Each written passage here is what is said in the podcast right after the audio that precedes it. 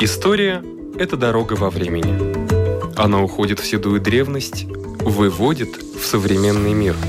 Она показывает, рассказывает, объясняет. И не перестает удивлять. Живая история.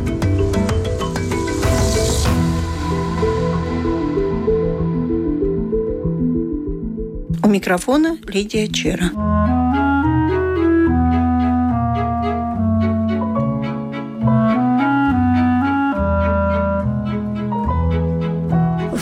Кришана Барона новая выставка называется «Неизвестный Кришьянес Барон, заведующая музеем Рута Карклиня. Идея какая, вот здесь четыре такие плато, на которых на каждый свой рисунок. Это пути дороги. Тут все вместе. Во-первых, я хотела, чтобы вы почувствовали, что вас обнимают ладони семьи Кришьяниса Барона. Это реальные ладони разных поколений, но сегодняшнего дня 21 века. Это первое. То, что останется после многих лет еще и как мы знаем, что ладони показывают наши жизненные пути, жизненные да. дороги. Почему такое название? Потому что когда ты работаешь более 30 лет, кажется, ты все знаешь. И вдруг какой-то момент ты открываешь что-то такое, о чем ты знал меньше или вообще не знал. Сегодняшнее мероприятие, которое будет посвященное дорогам, может быть, с этой стороны мы видим посох, который приготовил сам Кришан из Баронс.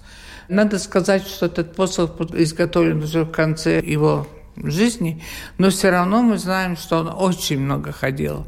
Мы знаем, что одна из первых книг по географии Латвии и Эстонии посвящена как раз его путешествию, описанию родного Отечества. И сегодня мы будем говорить о тех дорогах, о которых мы мало знаем, что делала жена Кришьяниса барона Даарта, пока Баронс был в Воронежской губернии.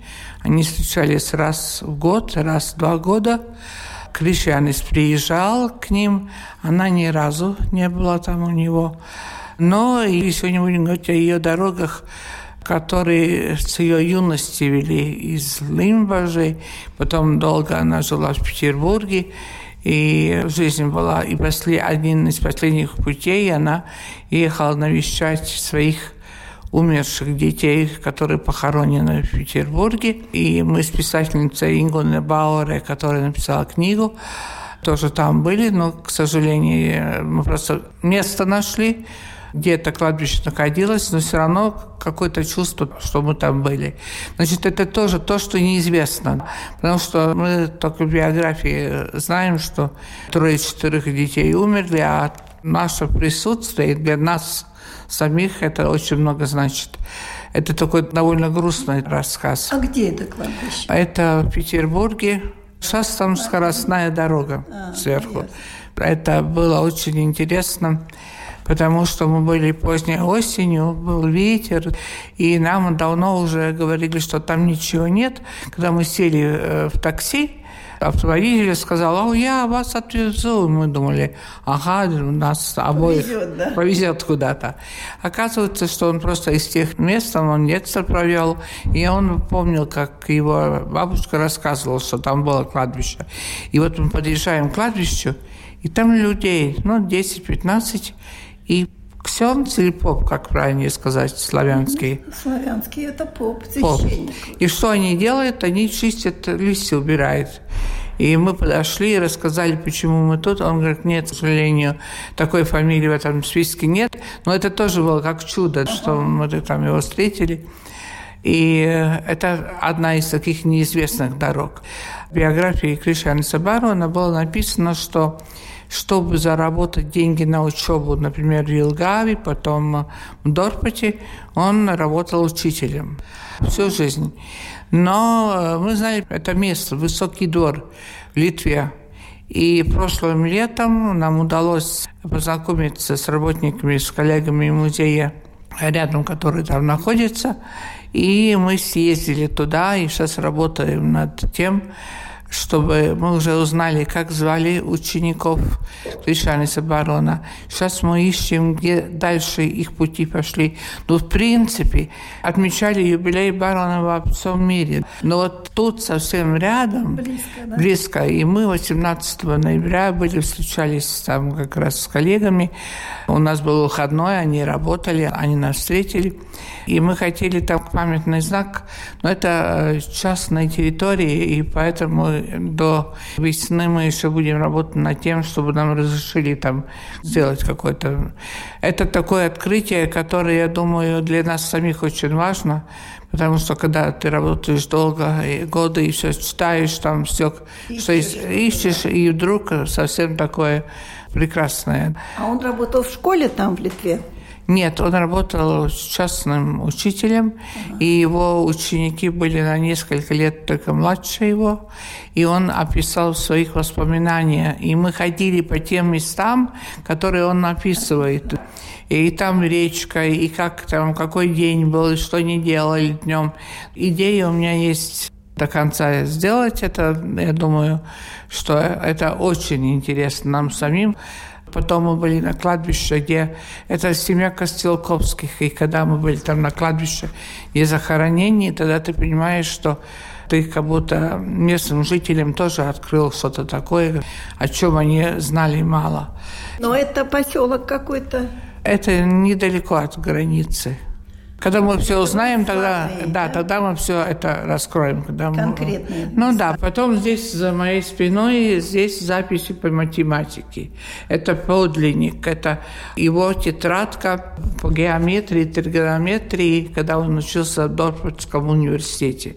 И вот это тоже наша работа сейчас, чтобы прочитать это, она записана эта вся тетрадка, она засканирована. И мы сейчас скоро встретимся с математиком.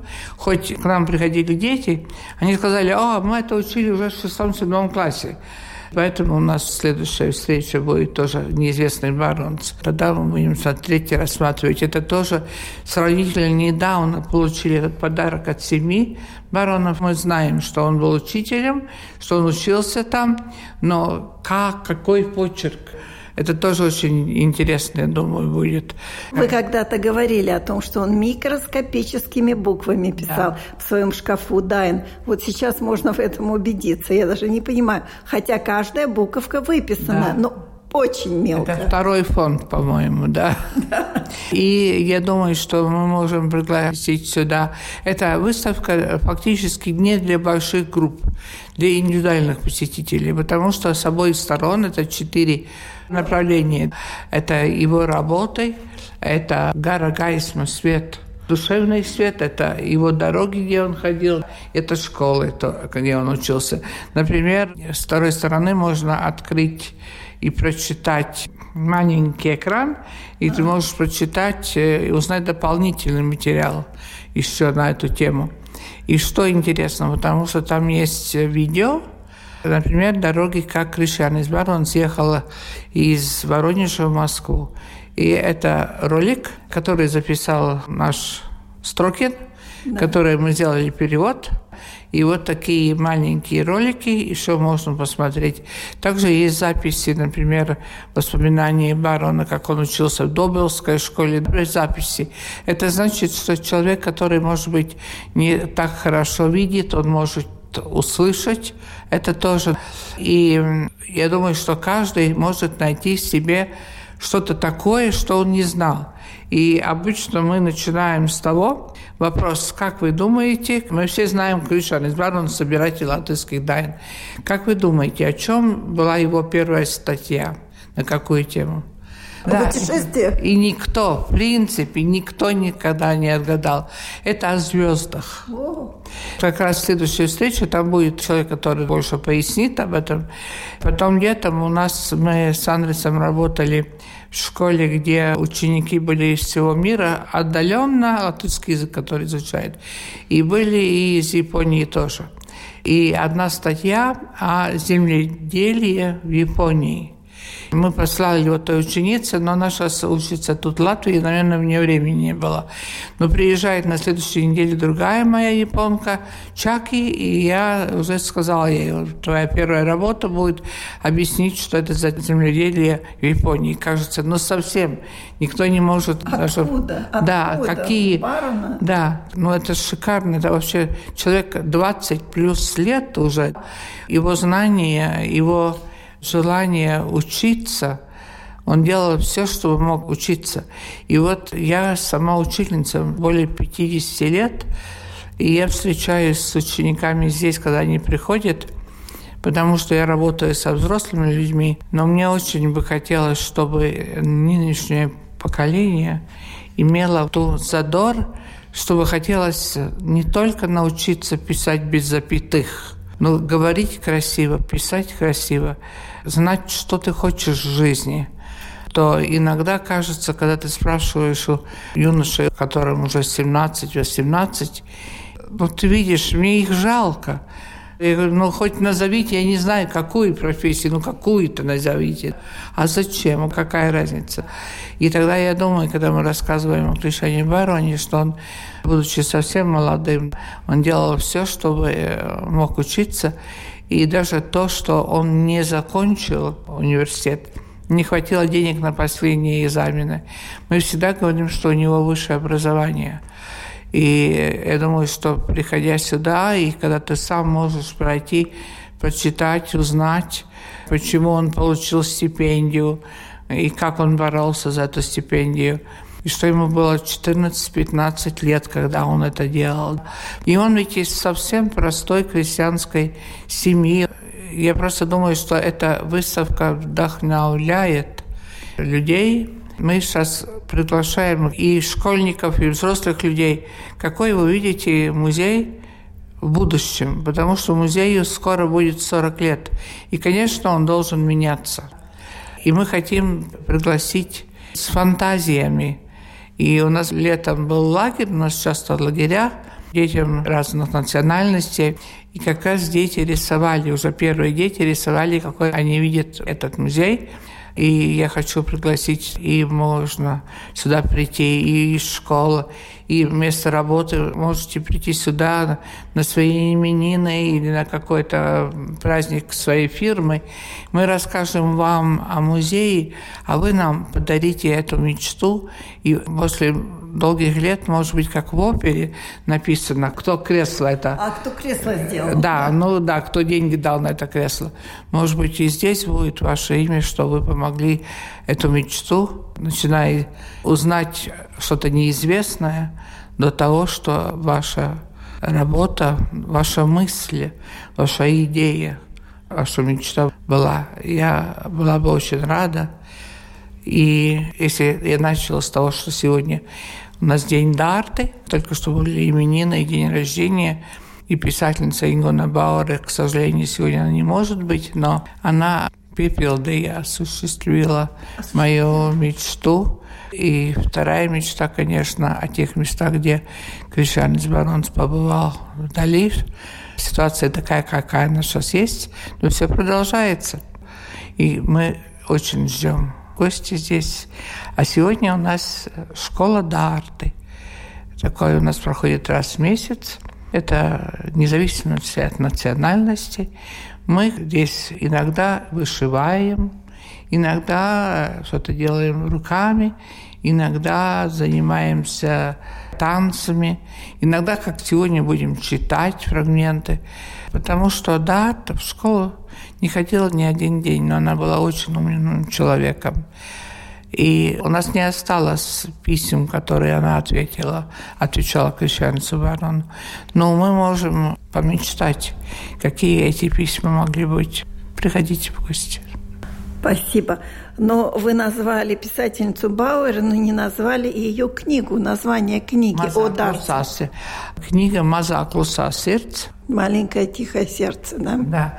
Конечно, моя мечта перевести это на несколько других языков, на украинский и на русский язык, потому что большую часть, ведь, как мы знаем, Барон прожил в России, и сейчас у нас много украинских учеников. И они учатся переводить. Я думаю, что это будет интересно, потому что это довольно такая тема болезненная, может быть. Сын крещаница барона родился в Петербурге. Ну, родились все дети, трое умерли. И дата, которая в школу не ходила ни один день, она вырастила латыша настоящего. И я думаю, что каждая национальность, независимости от того, где мы находимся, мы должны думать о своих корнях и о своих традициях. Если это будет все совокупности, будет мир и покой, и все будет хорошо. Спасибо. У нашего микрофона была заведующая музеем Крыша Набара Нарута Карклиня.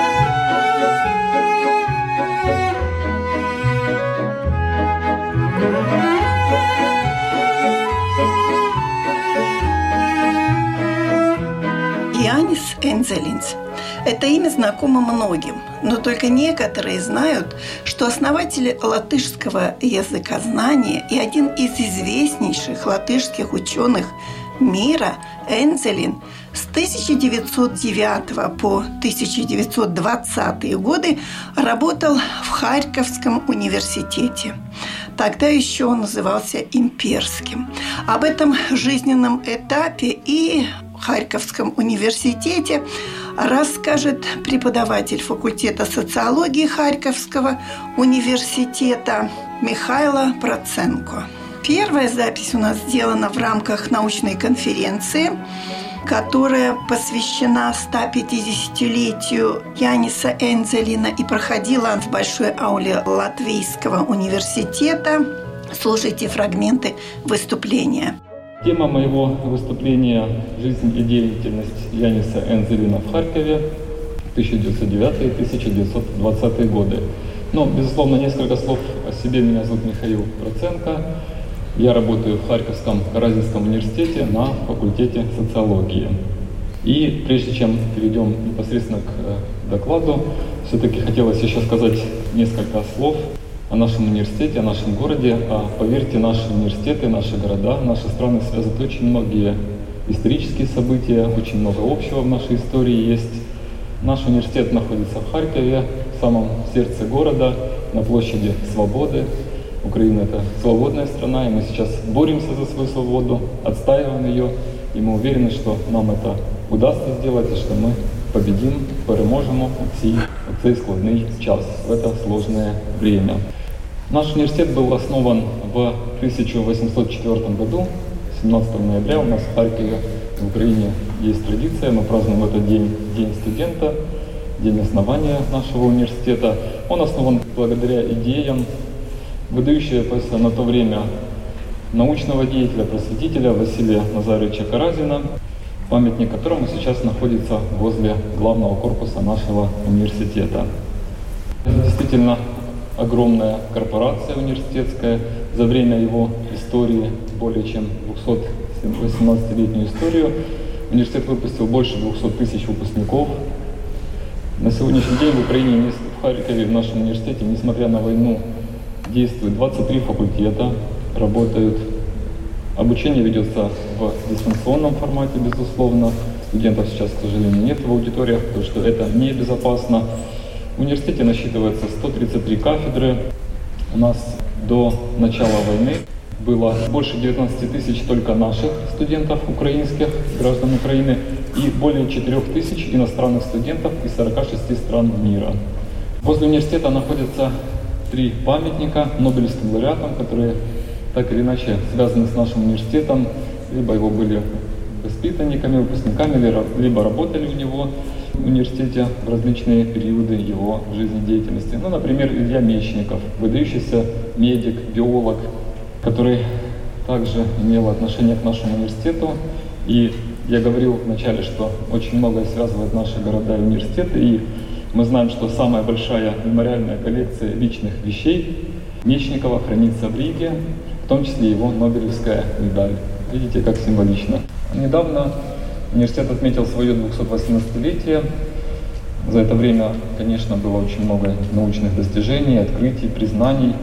Однако этот юбилей университет отмечал из укрытия, в подвале, потому что, сейчас такая ситуация, что город находится под постоянными обстрелами, и это было бы небезопасно. Но тем не менее университет отметил этот юбилей скромно, но это удалось сделать. Харьковский период жизни и деятельности Яниса Мазарина – это важная страница творческой биографии выдающегося ученого в город.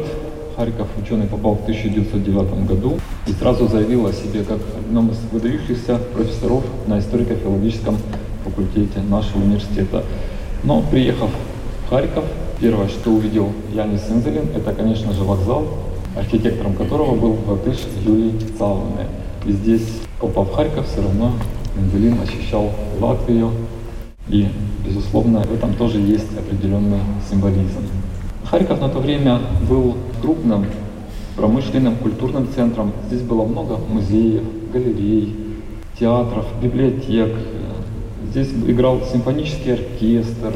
Здесь был университетский сад, в котором гуляли люди, прогуливались и обсуждали многие проблемы жизнедеятельности, развития города. В Харькове было множество банков, трестов, купцов, торговцев того времени, и город действительно очень активно развивался.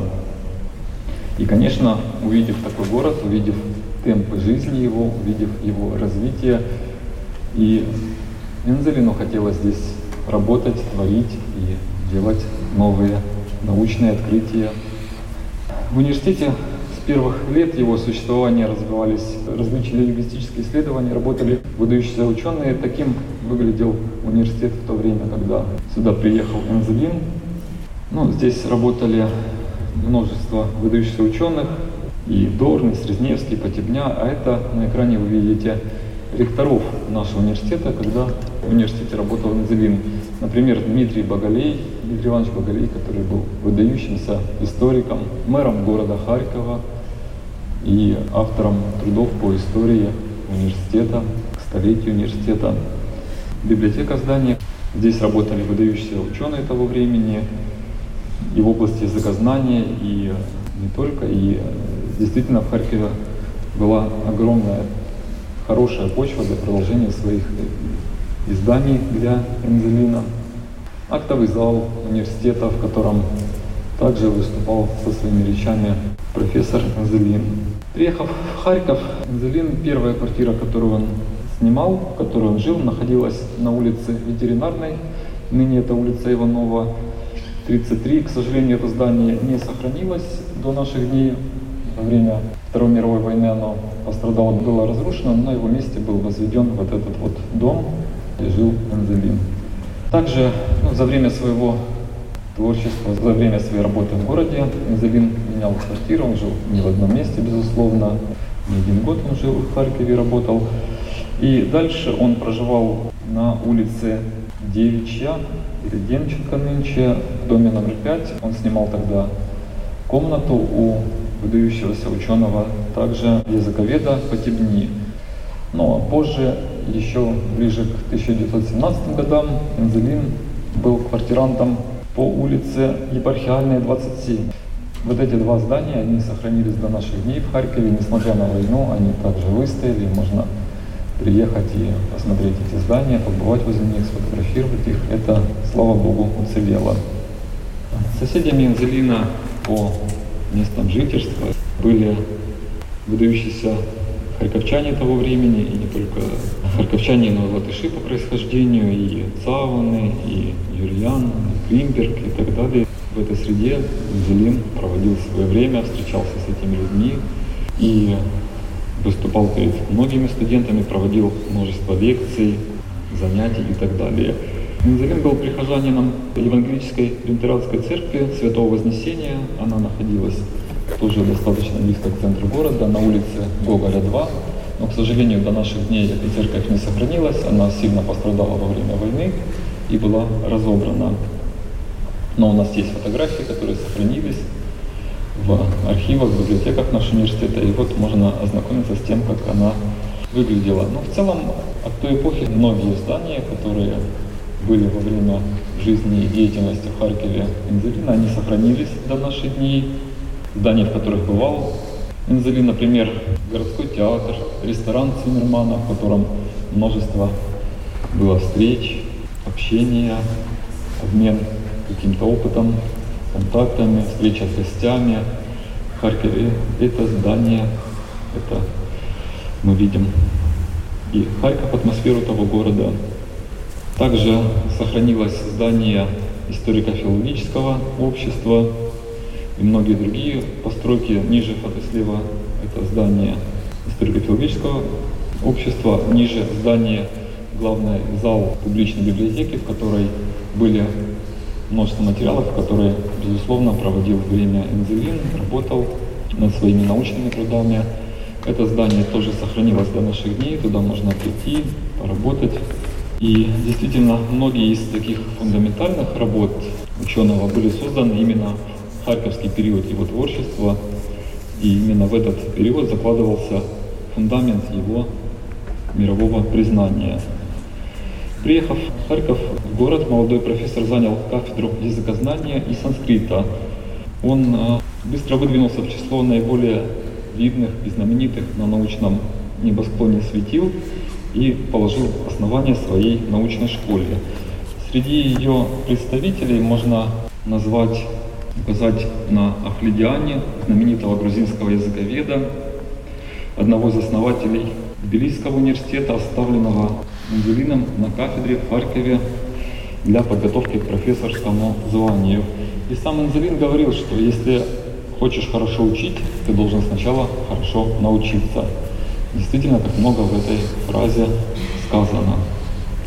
Ну, среди выдающихся учеников Анзелина был и Балаховский, и Риттер, который был ассистентом в Харькове Анзелина и так далее его ученики, воспитанники, которые, безусловно, набрались множество опыта от своего учителя.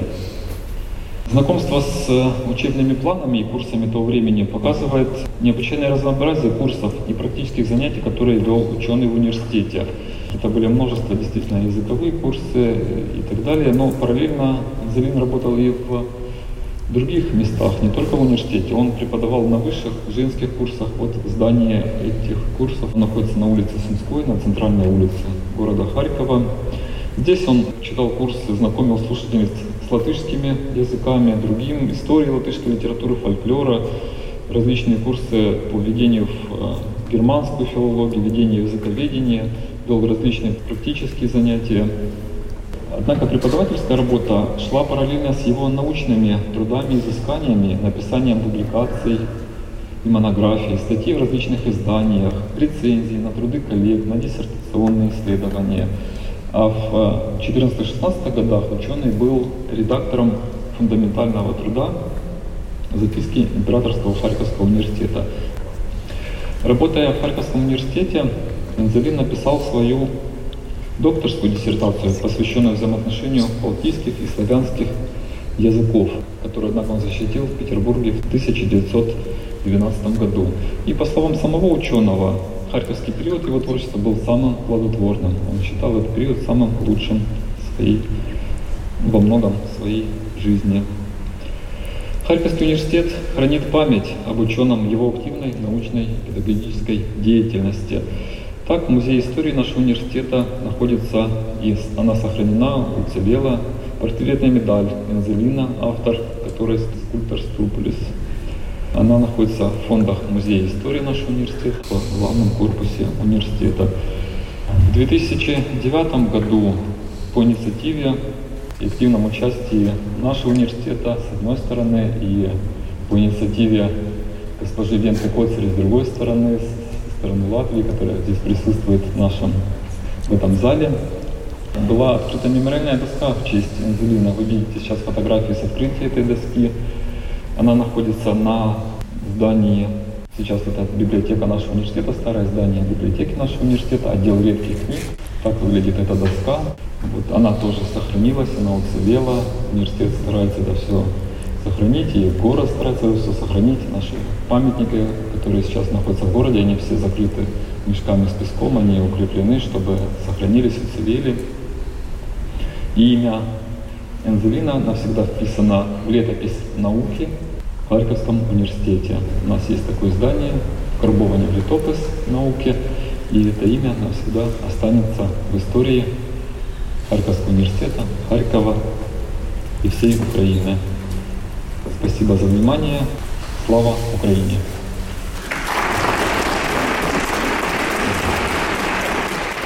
Теперь интервью на українському язикі з Михайлом Проценко. Мене звуть Михайло Проценко. Я працюю в Харкові в Каразінському університеті на соціологічному факультеті. В Харьковском университете. Вы знаете ли, почему наш Янис Энцелинц отправился в Харьков преподавать? Харків на той час був дійсно таким потужним науковим центром, потужним хабом і промисловим центром, але і таким хабом, який це був хаб на шляху від сходу на захід, на північ. Тобто, це дуже таке. Активно розвиваючеся місто, і тому було цікаво там побувати і попрацювати. Його запросили. Він, якщо казати сучасною мовою, в рамках такої академічної мобільності вчений приїхав до нашого міста. Ну, знал ли он украинский язык, как вы думаете? Его публикации, которые демонстрировали на слайдах, были на украинском языке, как вы думаете? Он же был полиглотом, он знал много языков. Він був дуже освіченою людиною. Він був дійсно якоюсь мірою геніальною людиною. І коли ти знаєш багато мов, ти до цього схильний, ти можеш це викладати, і цим ти можеш вчитися цьому швидко. Він же багато і романську філологію, і латишську, і так далі. Тобто він ці мови, де в чому вони і схожі, так санскрит він схожий, тому для нього це, мабуть, було не не дуже важко, щоб вивчити і писати труди. І він працював в той середі, де спілкувалися тією мовою, і так далі. Якщо хоч не хочеш, якщо ти приїдеш до якоїсь країни, ти рано чи пізно заговориш теж тою мовою, якої ти в тій країні, в якій ти перебуваєш.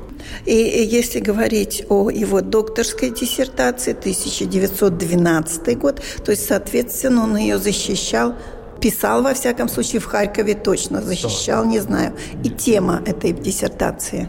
Писав він цю дисертацію дійсно працюючи в Харкові в університеті, але він працював не тільки в нашому університеті, він викладав на його. Він був видатним вченим, він був відомим вченим. Його запрошували в Харкові в інші заклади освіти, наприклад, там жіночі курси, де він також викладав, але він проводив, займався викладацькою діяльністю, але він займався і науковою діяльністю. А якщо ти займаєшся науковою діяльністю, тобі потрібно писати якісь наукові труди, які потім стають основою твого дисертаційного дослідження. І ось так він написав за під час свого своєї творчої діяльності в Харкові написав свою дисертацію Балтослов'янські тюди, слов'яно-балтські тюди, якщо правильно казати, а захистив він же дисертацію в Петербурзі в 1912 році.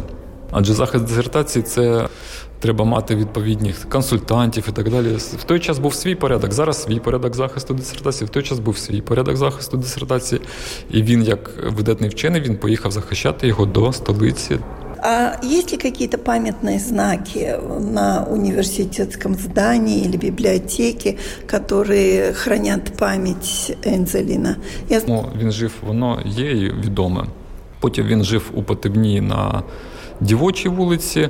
Потім він жив, е, мешкав на єпархіальній вулиці в Харкові. На цих будівлях немає знаків, що він тут жив, але на будівлі нашої бібліотеки, Каразінської бібліотеки, відділу рідкісних видань, є встановлена меморіальна доска, яка була встановлена в 2009 е, році. Вона свідчить про те, що в цій будівлі працював видатний латишський діяч, мовознавець Яніс Ензелін.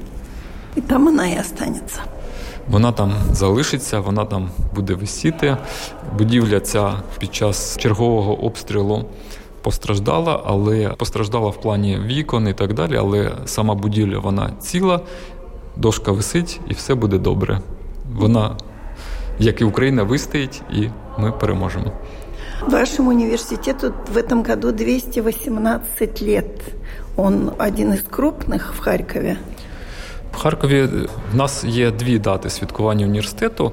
У 1804 році був підписаний наказ про відкриття університету, але за один день відкрити університет було неможливо. Це багато праці, і університет був відкритий вже в 1805 році. Ось і ми в цьому році відзначали 218 років дня відкриття університету. І це найвеличніших будівель, е, найвеличніших Харківський університет це один із найбільших університетів у східній Україні. І в Україні в цілому, і навіть на сьогоднішній день Каразінський університет працює, залишається в Харкові. Ми віримо в перемогу. Ми знаємо, що це відбудеться. Перемога буде за нами. Слава Україні! На этом наша передача заканчивается. Всего вам доброго.